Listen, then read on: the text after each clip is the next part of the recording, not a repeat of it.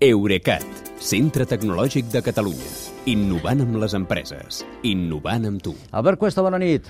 Bona nit, Kilian. Un dia més Pegasus, mentre van sortint a la llum noves víctimes de l'espionatge de mòbils, ja han començat a arribar, deies, les infeccions falses, els Pegasus fake, en podríem dir. Mm. I ens has avançat que n'hi havia de tres menes, eh? Sí, com dèiem, eh, ja hi ha espavilats que volen aprofitar en, benef en benefici propi la suspicàcia dels ciutadans, que de fet és lògica. Sí. Uh, el primer sistema és el més senzill. Pels grups de WhatsApp circulen unes instruccions per desactivar el desviament de trucades de veu que suposadament s'hauria activat amb una infecció de Pegasus. Uh, aquestes in instruccions varien segons l'operadora i de fet solen ser certes, però no serveixen per res, perquè el que no fa Pegasus és desviar les trucades al lloc. El que necessiten els espies és precisament que la víctima rebi la trucada i la respongui per poder escoltar la conversa, sigui en directe mitjançant una connexió oculta a internet o bé amb diferit després d'haver-les gravat al telèfon. Mm. Per tant, si us ve de gust, podeu anul·lar els desviaments de trucades del vostre telèfon, no? Eh, però amb això no us protegirà de cap espionatge. Seria No. aquesta la raó final, És eh? aquesta. Segona modalitat de fals Pegasus. Va, eh, aquesta penso que és més elaborada. De què va, aquesta? Sí, això són les aplicacions mòbils que asseguren detectar i netejar les infraccions en Pegasus i d'altres programes espia.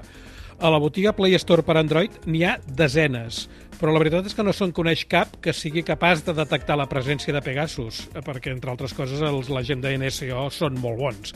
I aquestes aplicacions no només és que siguin inútils, sinó que en els casos més greus, la mateixa aplicació infecta el telèfon amb algun altre programa i espia Uf.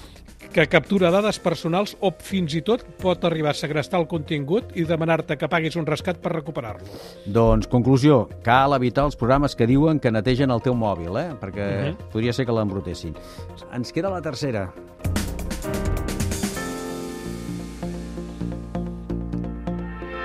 Que ja van ser molts oients, que et sembla la més greu de totes. Doncs sí, perquè consisteix a simular una infecció de Pegasus amb un telèfon que en realitat mai ha estat infectat. Uh, aquest sistema fa servir la mateixa eina MBT d'Amnistia Internacional que els investigadors, els de debò, fan servir per trobar infeccions autèntiques, però en aquest cas l'han modificat per introduir a la memòria del telèfon un rastre fals d'infecció amb Pegasus que pugui enganyar els especialistes i els faci creure que aquell aparell va estar infectat en algun moment.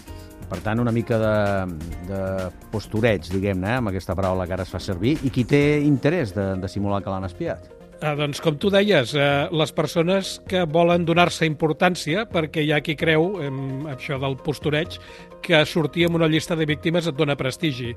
Però això no és el més greu. Això, va, això a mi em sembla anecdòtic, però és que hi ha una conseqüència diferent que és molt més greu, i és que la possibilitat de simular infeccions el que fa és treure credibilitat a les infeccions autèntiques, fins al punt que a partir d'ara, quan una víctima vagi als tribunals, els acusats eh, ja podran provar de, de desacreditar-lo dient que s'ho ha inventat tot. Clar. Doncs el fakeisme, eh, que ens torna a fer la vida més complicada. Ja no sabem el que serà i el que no serà, el que és cert i el que no és cert, que ja passa, eh, bastant. Escolta, demà tot el que explicarem serà cert, això sí que ho podem consignar sí, aquí. Si més no, ho intentarem. Ho intentarem segur. Gràcies i que vagi bé. Bona nit, Kilian. Fins demà. Eurecat, centre tecnològic de Catalunya.